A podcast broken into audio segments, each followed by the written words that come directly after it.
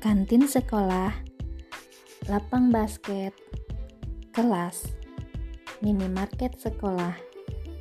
Gue yakin setiap sudut sekolah punya cerita unik di setiap masa-masa kita saat sekolah. Dan setiap minggu gue akan OOTD teman-teman sekolah gue untuk nostalgia bareng.